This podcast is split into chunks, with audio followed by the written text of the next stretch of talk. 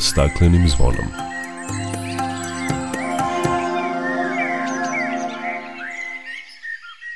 Dobar dan i dobrodošli na Zeleni talas prvog programa radija Radio Televizije Vojvodine. Ja sam Dragana Ratković. Na regionalnoj Look Up konferenciji na Koponiku debatovalo se o ekologiji i energetici. Čućete o kojim temama se razgovaralo, šta su prioriteti Ministarstva zaštite životne sredine i kakvi su utisci učesnika skupa. Nakon više od godinu dana čekanja vlada je usvojila program zaštite vazduha u Republici Srbiji za period od 2022. do 2030. godine s akcijnim planom. Govorit ćemo o podršci pokrajinske vlade opštinama u pokrajini kako bi unapredile sistem upravljanja otpadom, o cirkularnoj ekonomiji, o merama energetske sanacije u Sremskoj Mitrovici, kao i o programu za čistije i zelenije škole u Vojvodini, koji će biti realizovan i naredne godine.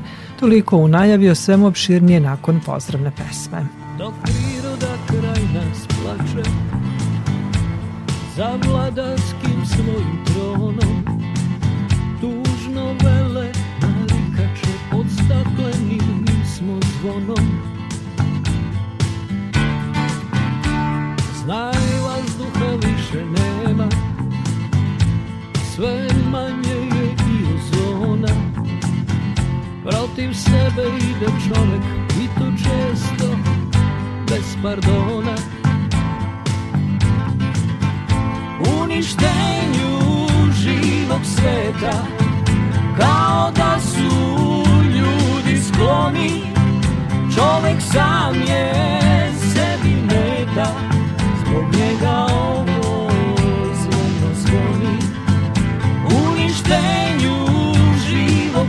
sveta Kao da su ljudi skloni.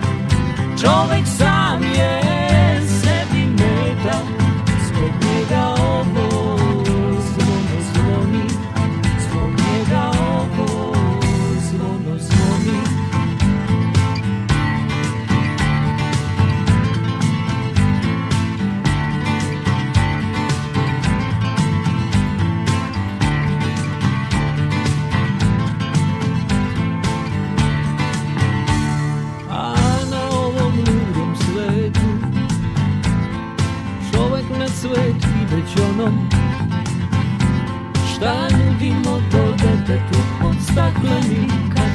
zvonom Uništenju živog sveta Kao da su ljudi skloni. Čovek sam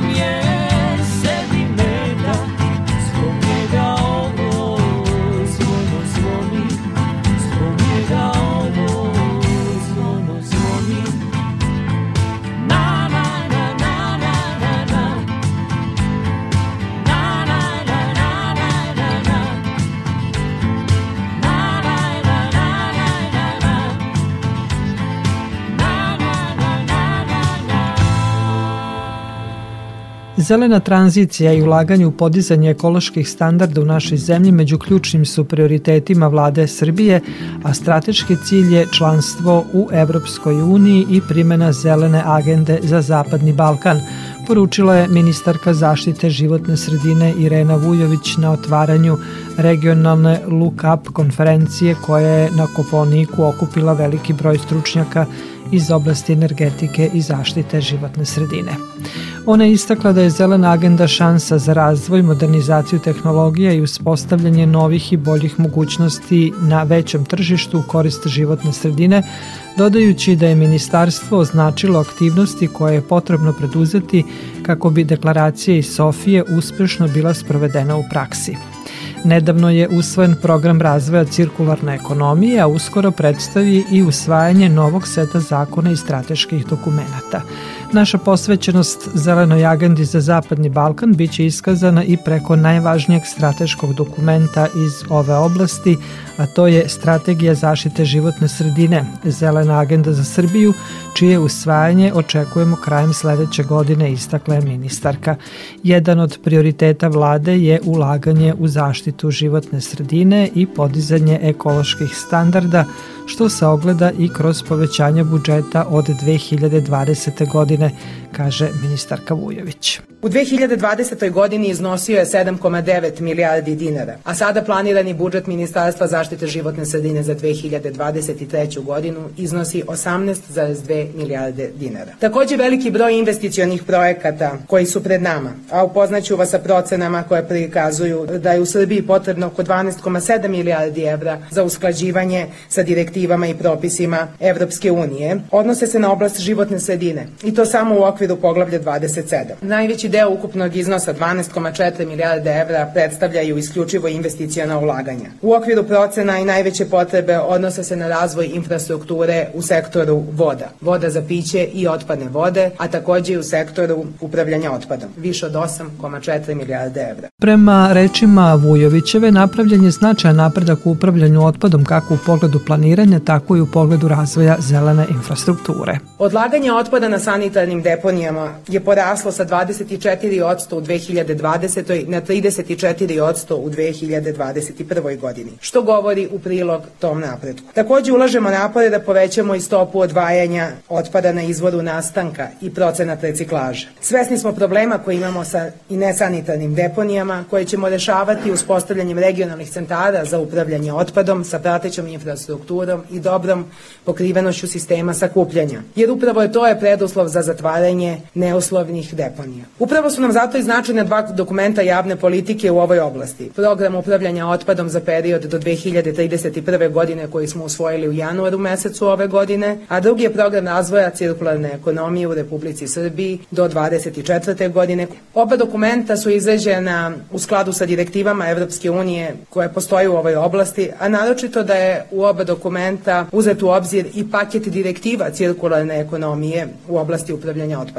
Važno pitanje na koje ministarstvo posvećeno radi jeste i rešavanje problema takozvanog istorijskog otpada kako bi bio očišćen do nultog stanja, rekla je ministarka Irena Vujović. Govoreći o sektoru otpadnih voda, ona je navela da su u više od 100 lokalnih samouprava trenutno u toku različite aktivnosti od faze planiranja do izgradnje postrojenja za preradu otpadnih voda i prateće kanalizacione mreže. Ministarka je poručila da je za ispunjenje zajedničkih zelenih ciljeva važan doprinos svih građana, privrede, stručne javnosti, nauke i inovacija, jer jedino udruženim naporima i zajedničkim radom može se osigurati čista i zdrava životna sredina za dobrobit sadašnjih i budućih generacija.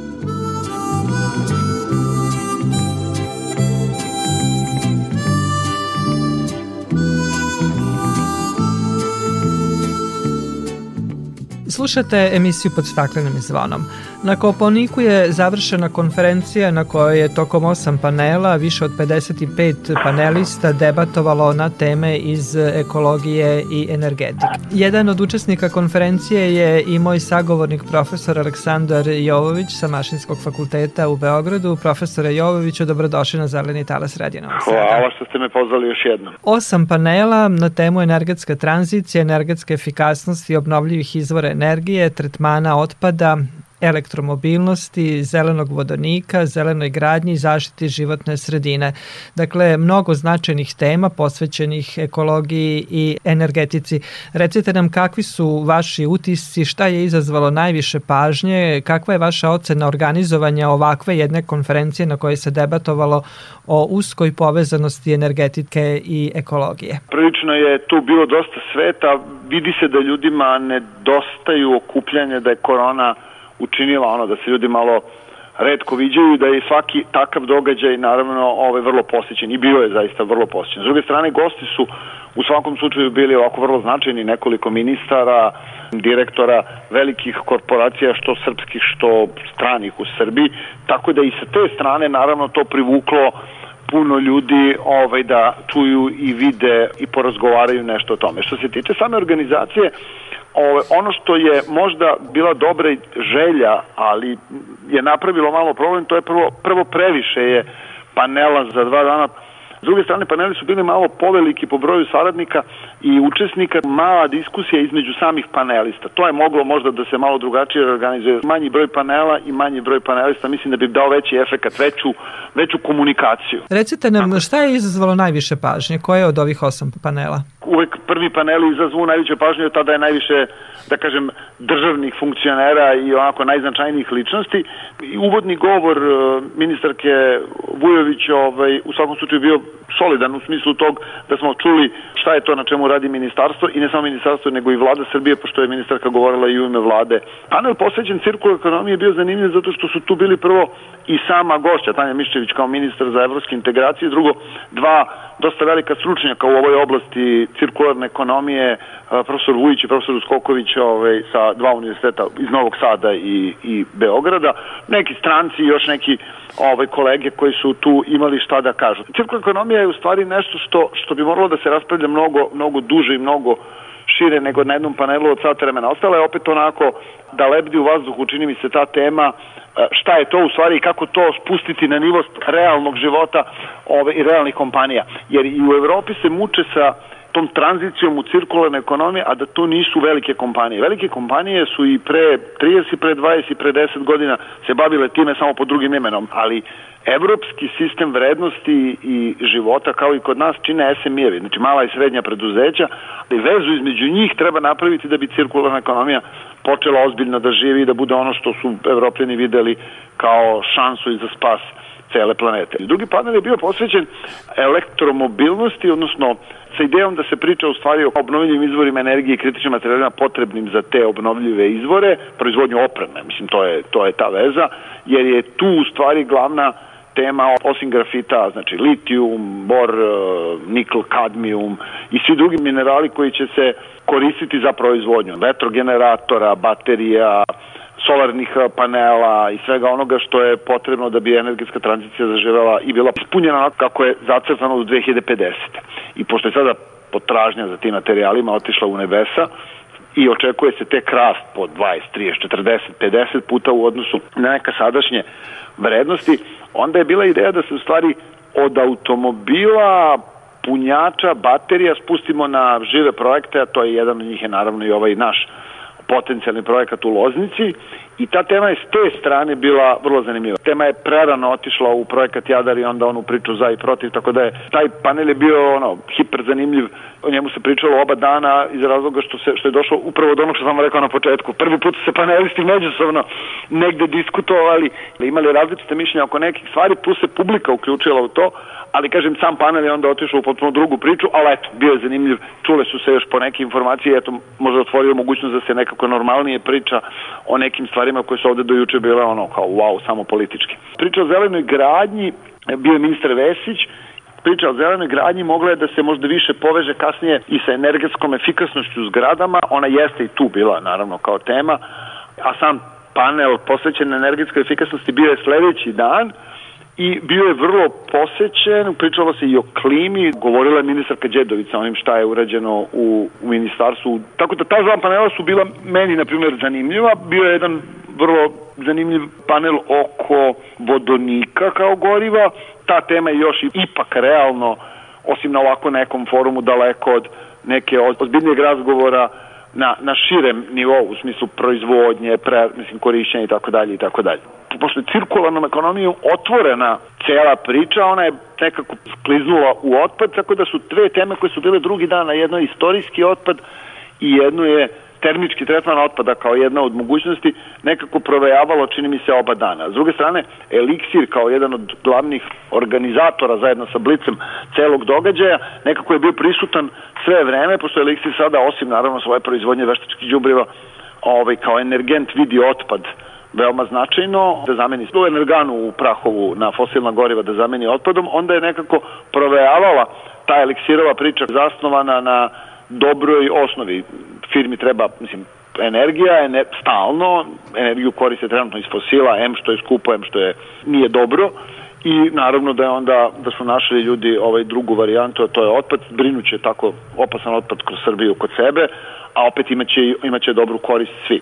Tako da su teme oko otpada bile vrlo, vrlo posjećene, tako da mislim da se tu otvorila onako solidna priča koja se odnosi na to šta u Srbiji sa otpadom, kog, kakvog otpada ima, koja su rešenja sve potrebna Tako da taj drugi dan je bio, čini mi se, zanimljiviji po pitanju otpada nego prvi, ali u svakom slučaju nekako se to povezalo.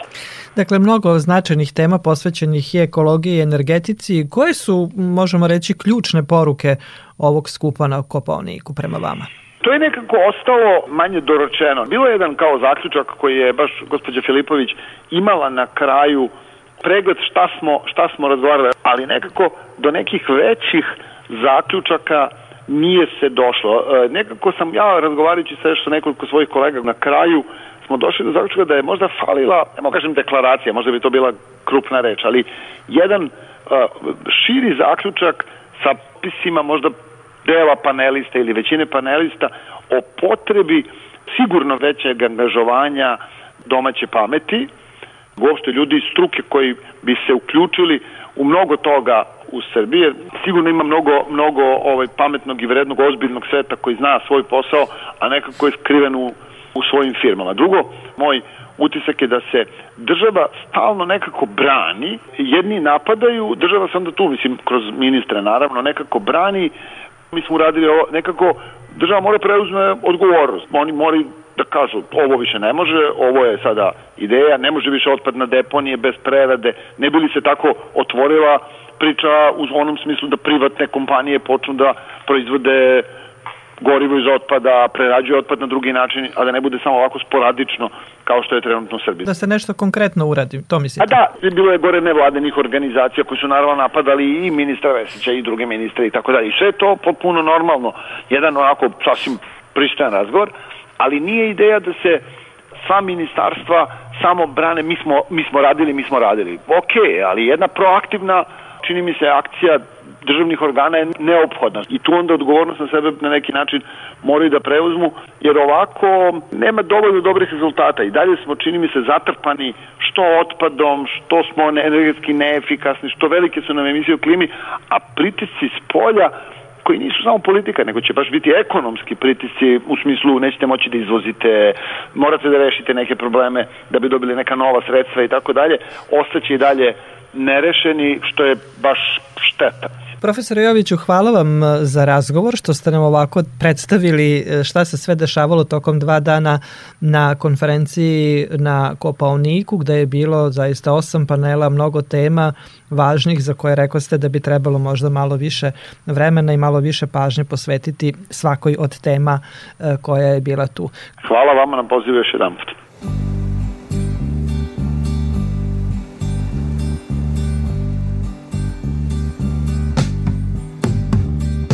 Sitting in the morning sun.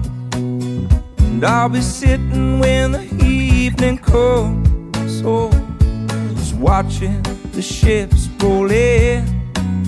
And then I'll watch them roll away again. Oh, I'm just sitting on the dock of the bay. Watching the tide sitting on the dock of the bay. Wasting time. I left my home in Georgia, headed for the Frisco Bay. Cause I had nothing to live for, and look like nothing's gonna come my way. So I'm just sitting on the dock of the bay, watching the tide roll away. Oh, sitting on the dock of the bay. I'm wasting time.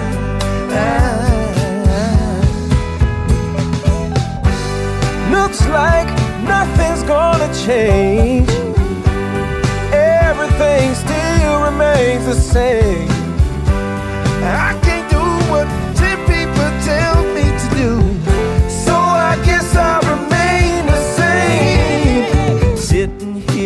Here resting my bones this loneliness won't leave me alone. So, 2,000 miles I roam just to make this dock my home. Now I'm just gonna sitting on the dock of the bay, watching the tide roll away. Ooh, sitting on the dock of the bay, time.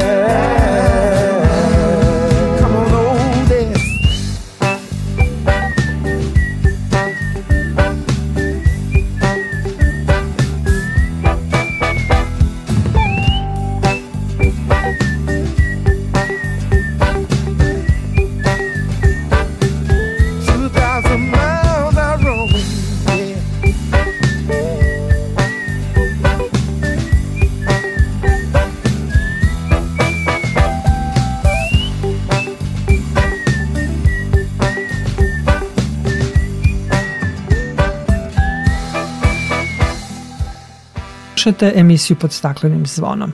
Vlada Srbije usvojila je program zaštite vazduha u Republici Srbiji za period od 2022. do 2030. godine sa akcijnim planom kojim su definisane mere i aktivnosti koje će se sprovoditi radi poboljšanja kvaliteta vazduha.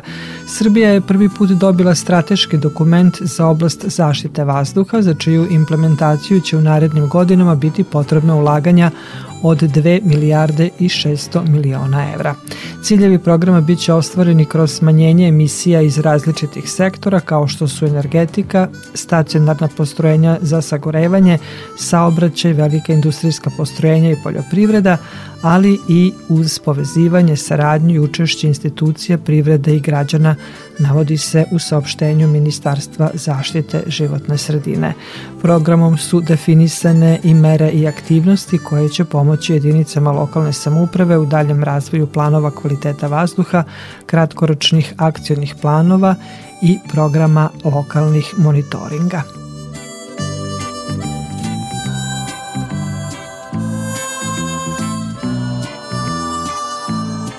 A pokrajinska vlada usvojila je predlog budžeta za narednu godinu vredan 108,5 milijardi dinara. Predloženi budžet veći je za 22,7 od 100 od ovogodišnjeg. U narednoj godini iz pokrajinskog budžeta za integrisano upravljanje otpadom, otpadnim vodama, hemikalijama i biocidnim proizvodima biće izdvojeno 178 miliona dinara. Biće nastavljena kontinuirana podrška lokalnim samoupravama u izradi i primeni planske i projektno-tehničke dokumentacije.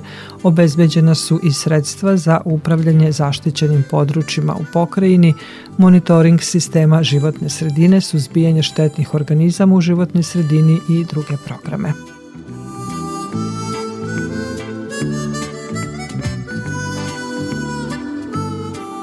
Čuli ste ministarku za zaštitu životne sredine Irenu Vujović koja je izjavila da je napravljen značajan napredak u upravljanju otpadom kako u pogledu planiranja tako i u pogledu razvoja zelene infrastrukture. Pojedine opštine u Vojvodini ulaze u posao planiranja i izgradnje reciklažnih dvorišta kako bi unapredile sistem upravljanja otpadom. Uz novac koji same obezbeđuju iz svojih budžeta, u tome imaju i finansijsku podršku pokrajinske vlade. Neke od njih su na korak od toga da zaokruže procese od primarne separacije otpada preko transporta do recikliranja. Opširnije Milijana Kočić. U Bečeju se građani i dalje edukuju za primarnu selekciju otpada, ali svi znaju da na lokalnoj deponiji mogu da odlože materijal za reciklažu i da će ga zbrinuti upravljač preduzeće Potis je objašnjava načelnica za urbanizam i zaštitu životne sredine u toj opštini Danijela Doroslovački. Zahvaljujući podršci Resornog pokrajinskog sekretarijata, planiraju proširenje postojećih kapaciteta i zatvaranje kruga kad je reč o zbrinjavanju komunalnog otpada. Ono što je ideja smjeste da se napravi pretovarni terminal da se napravi malo dvorište reciklažno i da se u nekom daljem periodu kada budemo zatvarali našu deponiju u stvari kreira deo za, za kompostaru gde ćemo moći i prirodni biljni materijal da, da recikliramo, a ne samo plastiku, staklo i, i papir. Opštine Nova Crnja, Ada, Apatin, Bački Petrovac i Žabalj u fazi su pripreme projektno-tehničke dokumentacije za izgradnju transfer stanica i reciklažnih dvorišta. Za to su izdvojili po nekoliko miliona dinara iz lokalnih budžeta, ali im je najvećim delom pomogao Sekretarijat za urbanizam i zaštitu životne sredine, koji je na konkursu za tu namenu iz pokrinjske kase izdvojio gotovo 50 miliona za sedam lokalnih samouprava. Za opštinu Žabalj taj novac veoma je značajan, jer će, kaže njen predsednik Uroš Redanović, to biti prvi korak ka efikasnijem upravljanju otpadom i boljim standardima u zaštiti životne sredine. Opština Žabalj je u svoju strategiju razvoja do 2030. godine uvrstila i agendu po kojoj ćemo mi, nadam se, ispuniti cilj da budemo ekološka opština te 2030. godine to reciklažno dvorište će nam u mnogome pomoći u tu negde primarnoj separaciji otpada kako bi zajedno svi sačuvali našu životnu sredinu. Cilj svih posticaja pokrajinske vlade u oblasti upravljanja otpadom jeste da se čitav proces zaokruži, da životna sredina i zdravlje ljudi budu sačuvani, a da sav otpadni materijal bude iskorišćen na najbolji način, objašnjava pokrajinski sekretar za urbanizam i zaštitu životne sredine Nemanja Erceg. To jeste da svoj put do korisne upotrebe, odnosno do konačnog odlaganja, prođu preko reciklažnog dvorišta, gde ćemo izdvojiti određene reciklabilne ili odgovarajuće komponente čija će namena i upotreba svakako imati korist,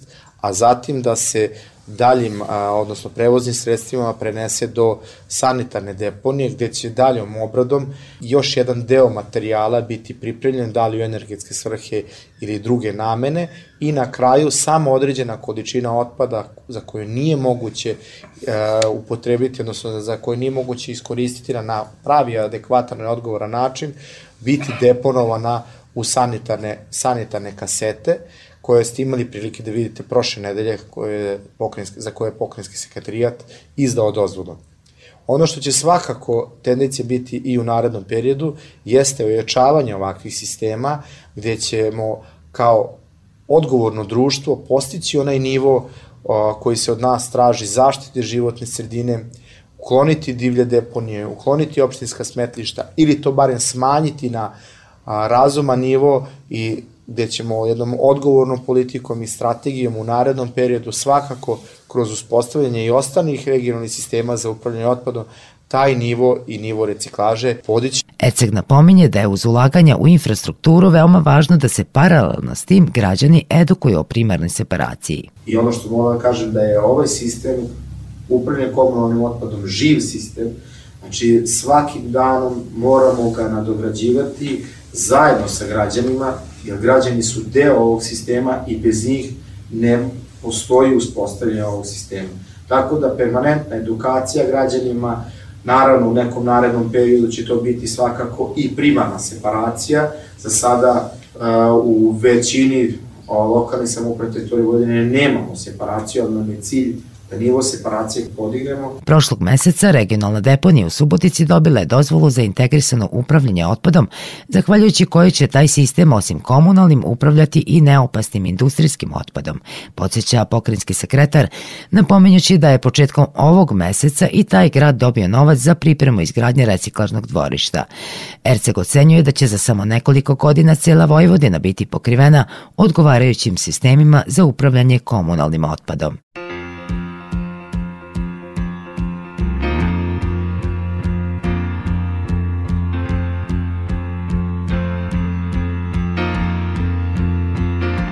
Doctor, my eyes have seen the years and the slow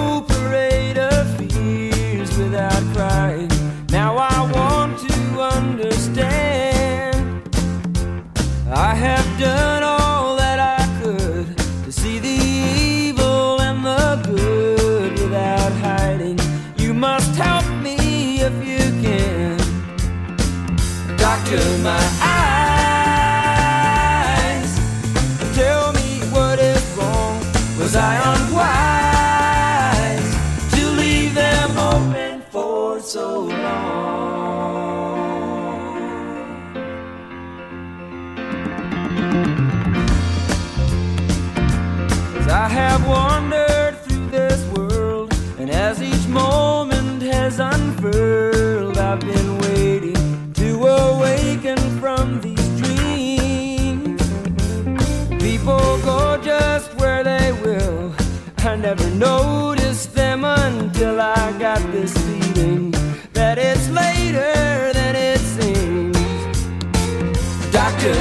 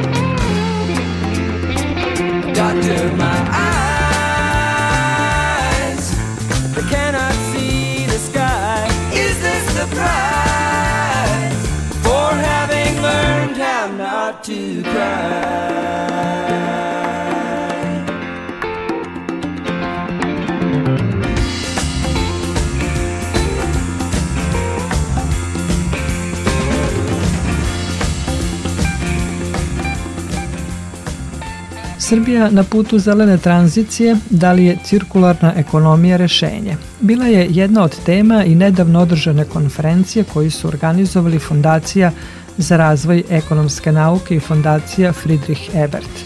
Jedan od panelista, docent sa Univerziteta Singidunum u Beogradu, Milena Rikalović, podsjetila je na činjenicu da je Srbija pre dve godine potpisivanjem Sofijske deklaracije preuzela niz obaveza iz oblasti zaštite životne sredine. S njom je razgovarao kolega Đuro Vukelić. Govorimo o otpadu kao resursu, a da zapravo i ne znamo sa kolikim to resursom raspolažemo. Da li je to i jedini problem sa kojim se suočava cirkularna ekonomija u Srbiji? Ako pođemo od toga da je otpad način resurs i da je to naša mogućnost, možda jedna od najvećih aspekta naše trenutne situacije i stanja, onda je, da, to jeste veliki problem. Veliki je problem sistematizacija otpada, realnih podataka, statističkih, praćenje divljih deponija u odnosu na sanitarne, praćenje podataka vezane za, znači, za, za privredu, za industriju, tako to može da bude polazna tačka i polazni izazov. Možda ne problem, nego izazov da krenemo u rešavanje ovoga problema. Postoje gradovi u Evropi koji mogu da budu primjer dobre prakse kao što je Beč i Skandinavija, koji koriste komunalni otpad i njegovu upotrebu za naprijed daljinskog grejanja. Stvarno nas to sprečava da i mi se organizujemo da budemo poput Beča da koristimo resurse. Cementare su nešto pokušavali, čini mi se i uspjela da deo otpada spaljuju, ali oni su više izuzetak koji potvrđe pravilno. Da, isto kao što sam rekla, znači bilo koje promene koje se dešavaju u ovoj oblasti, u bilo koje zahtevaju određeni e, socijalno-ekonomski tehnički reljef, znači koga čine činioci, koje činimo znači mi kao ljudi, društvo, razne institucije e, koje bi morale da promene svoje ponašanje i da se prilagode savremenim tokovima, znači i u nauci, i u javnim politikama, e, da bismo mogli o tome da pričamo, znači ništa nas ne sprečava osim nas samih i u principu neke naše, kako bih rekla, neko od naše backgrounda sa aspekta istorije, politike i društva u kome mi živimo. Zakonska regulativa i nije toliki problem. Zakonska regulativa postoji i e, verujem da kada bi se e, dosledno primjenjivala da bi situacija bila e, značajno bolja, ali zakonska regulativa takođe treba da se proširi i da bude jasno objašnjena svim činiocima u društvu da misle da bi mogla dobro da se primeni. Imamo problem da definišemo cirkularnu ekonomiju, a već se pojavljuje i cirkularna bioekonomija. Šta konkretno znači?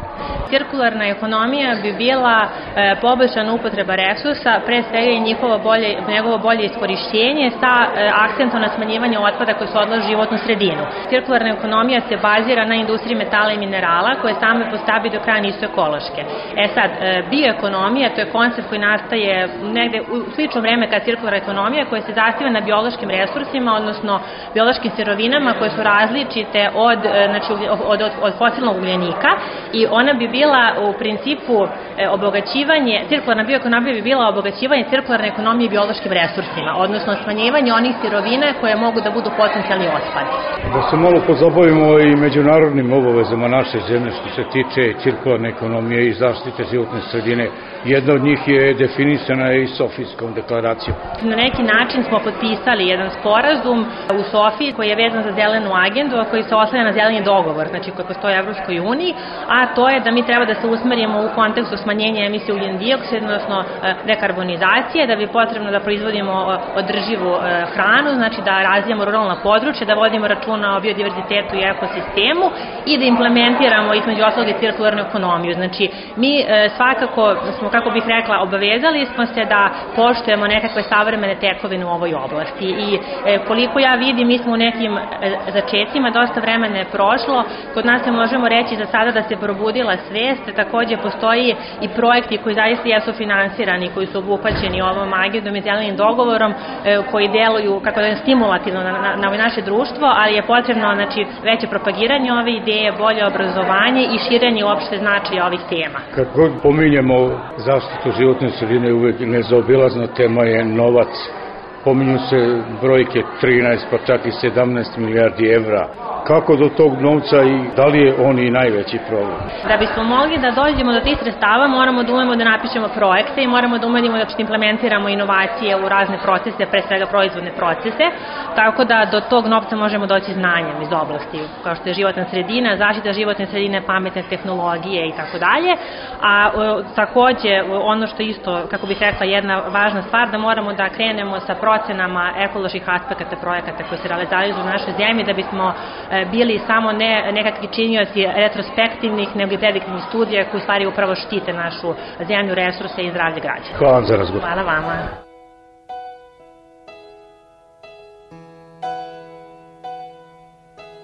No, I can't forget this evening or your face as you were leaving, but I guess that's just the way the story goes.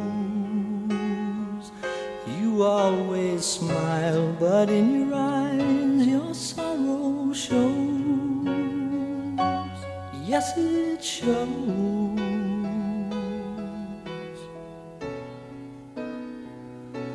No, I can't forget tomorrow when I think of all my sorrow. Well, I had you there, but then I let you go. And now it's only fair that I should let you know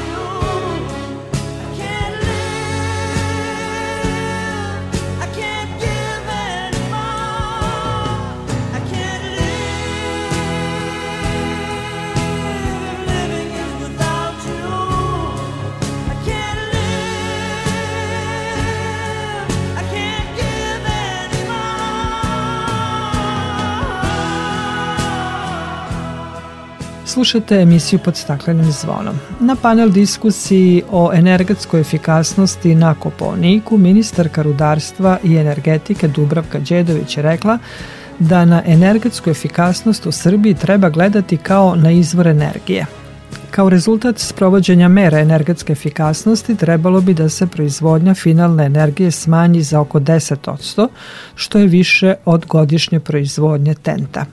Da li ćemo imati energiju i čistu životnu sredinu nije pitanje izbora, Pred Srbijom je značajna promena u energetskom sektoru. Javna preduzeća treba da budu efikasnija i profitabilnija.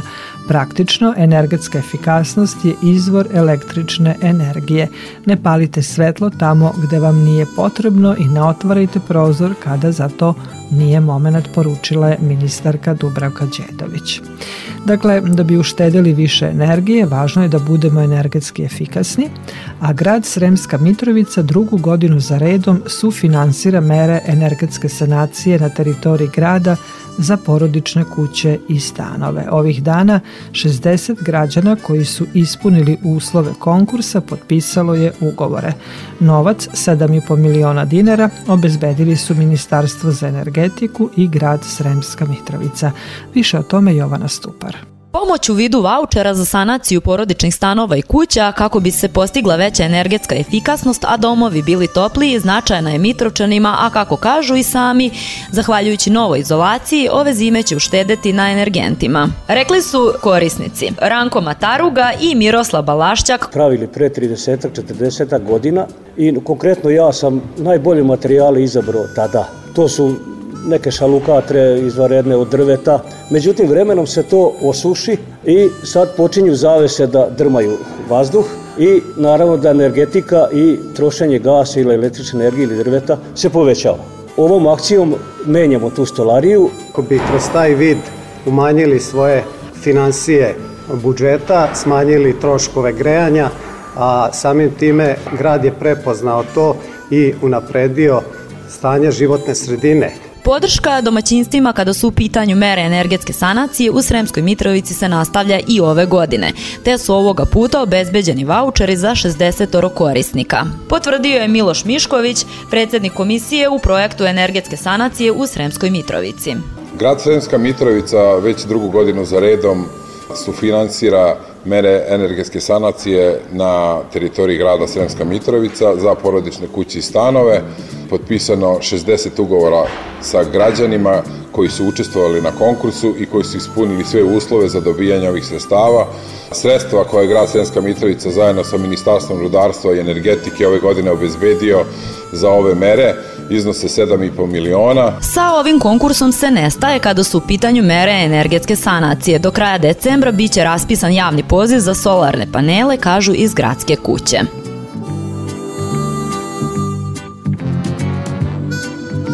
Slušate emisiju pod staklenim zvonom. Ministarstvo građevinarstva, saobraćaja i infrastrukture odlučilo je da bude izrađena strateška procena uticaja prostornog plana Kostolačkog ugljenokopa na životnu sredinu. Strateškom procenom biće razmatrana pitanja zaštite vazduha, voda, zemljišta, živog sveta, prirode kao i druga pitanja za koja se u toku izrade utvrdi da zahtevaju odgovarajuću obradu. Rok za izradu studije procene je godinu dana od dana stupanja na snagu odluke o izradi prostornog plana, a novac će obezbediti javno preduzeće Elektroprivreda Srbije.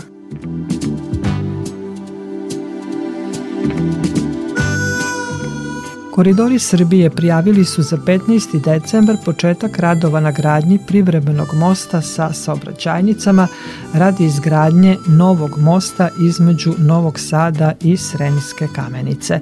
Na osnovu navedenih katastarskih parcela iz dve odvojene prijeve radova čini se da će se mašine pojaviti na delu Kameničke Ade, gde od polovina oktobra traje razminiravanje terena koji radi firma Millennium Team, odnosno na obali sa kameničke strane koja je ograđena već 9 meseci. Prošlo je dva meseca od kad su na delu Ribarskog ostrava radnici CRBC-a uz podršku policije i uz protivljenje dela građana postavili ogradu na mestu na kojem je u junu posečeno drveće. Ogradu i danas 24 sata čuvaju policija i privatno obezbeđenje, a postavljen je i veći broj kamera na drveću. Nedaleko od ograde kineske kompanije nalazi se i Šodroš Survivor Camp, koji su pre gotovo pola godine osnovali aktivisti protiveći se izgradnji mosta na ovoj lokaciji. Oni smatraju da će to uništiti prirodnu oazu značajnu za Novi Sad.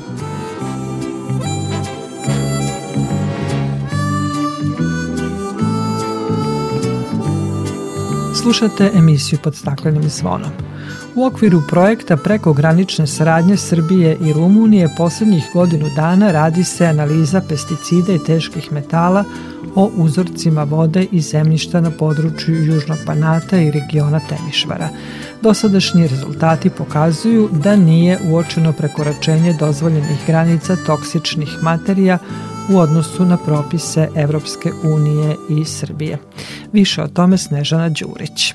Članovi projektnog tima prekogranične mreže za edukaciju i istraživanje prirodnih resursa nakon analize uzoraka vode i zemljišta u Srbiji i Rumuniji nisu uočili prekoračenja dozvoljenih granica pesticida i toksičnih metala. Oni su u poslednjih godinu dana redovno uzimali uzorke vode i zemljišta, a ovih dana završavaju analizu više od hiljadu uzoraka na različite pesticide kaže dr. Nenad Zarić, naučni saradnik na Biološkom fakultetu u Beogradu i rukovodilac istraživanja u projektu. Radili smo analizu na 278 e, različitih pesticida, analizirali smo ovaj, njih kako u vodi, tako i u zemljištu. Za sada smo obradili podatke što se tiče vode. Od 278 pesticida koje smo mi ovde radili, manje od 20 smo pronašli uzorcima vode. Od tih 20 samo su dva zakonski regulisana i mogu da kažem jednu lepu vez, znači da su njihove koncentracije daleko ispod granica koje su zakonski dozvoljene. Analiza vode radi se svakog meseca, a zemljišta četiri puta godišnje. Za tu namenu u dvorištu očne bolnice Pančevo instalirani su tečni hromatograf i dodatna laboratorijska oprema. U Pančevu su rađene analize na prisustvo pesticida, a rumunski partner završio analize uzoraka na prisustvo toksičnih metala. Cilj projekta je da se utvrdi stanje prirodnih resursa u Južnom Banatu i regionu Temišvara, kaže dr. Nenad Zarić. Jedan od glavnih ciljeva je pisanje knjige smernica u kojoj ćemo mi objaviti rezultate onoga što smo uspeli da ovde pronađemo i savjetovati poljoprivrednike kako ne dalje da tretiraju svoje useve, kako bismo održivo koristili te naše prirodne resurse. Projekat sprovode Univerzitet prirodnih nauka iz Temišvara i Regionalna razvojna agencija Južni Banat kroz IPA program preko granične saradnje Rumunije i Srbije.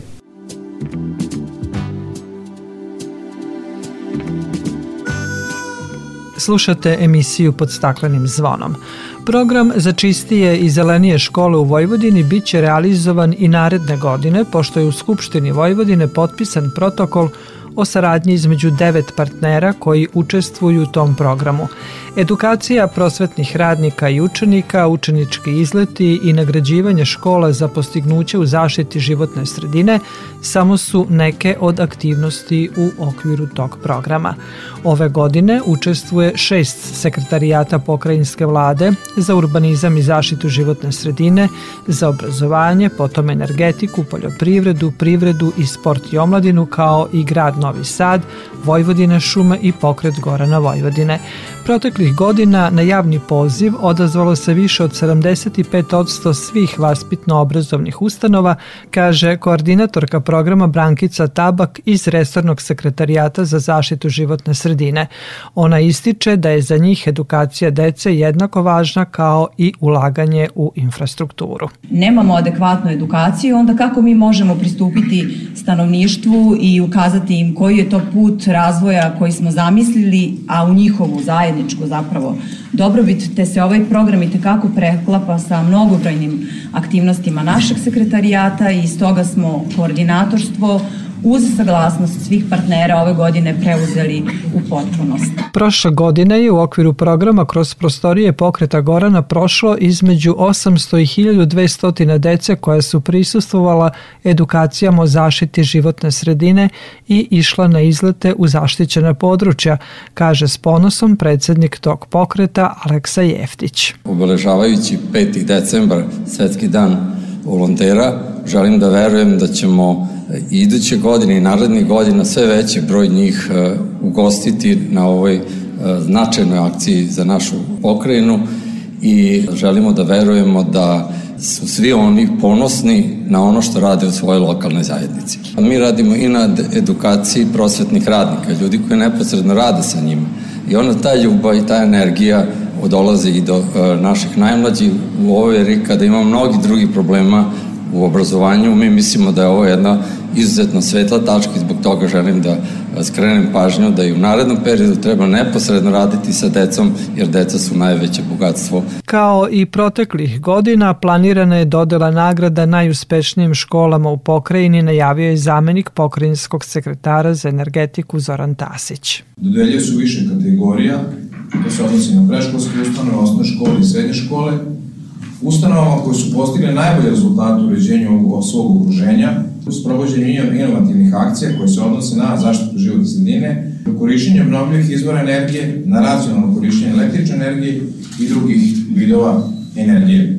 Veoma je važno da deci i učenici od malena steknu naviku da vode računa o svom okruženju, u, u vrtićima, školama, kod kuće, na ulici, u mestu u kome žive i da svojim ponašanjem i delovanjem budu uzor i starijim od sebe, roditeljima, rođacima, komšijama.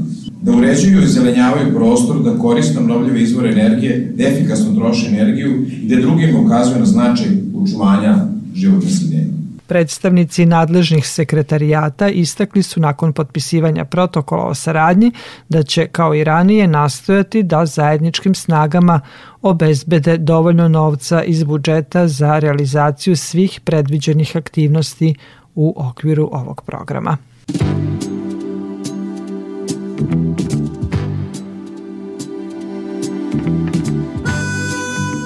I za kraj da vas podsjetimo, danas 11. decembra obeležava se Međunarodni dan planina. Generalna skupština Ujedinjenih nacija 2002. godine svojom odlukom ukazala na potrebu potenciranja značaja planina i održivog razvoja njihove sredine za očuvanje kvalitetnog života stanovništva. Planine nas snabdevaju sa 70% celokupne pijaće vode, One su dom za 25% biljnih i životinskih vrsta, ali i svakom desetom stanovniku planete. Najveći deo teritorije naše zemlje čine upravo planine. Mi u Vojvodini imamo našu lepu Frušku goru i mnogi je bez obzira na vremenske prilike posećuju i zimi uživaju u njenoj lepoti i sigurno je da moramo više raditi na njenom očuvanju.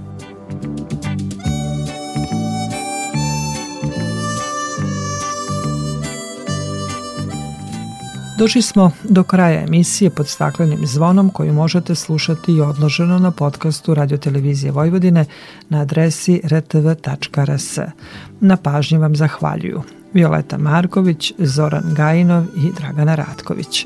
Naredni susret zakazujemo za sedam dana u isto vreme na zelenom talasu prvog programa radija Radio Televizije Vojvodine.